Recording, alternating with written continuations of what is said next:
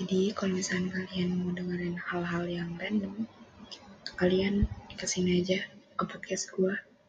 Ini namanya juga random podcast, jadi ya pasti random, ya kan? Oh iya, BTW suara gue emang kayak gini, jadi ya udah amat help my voice anjay.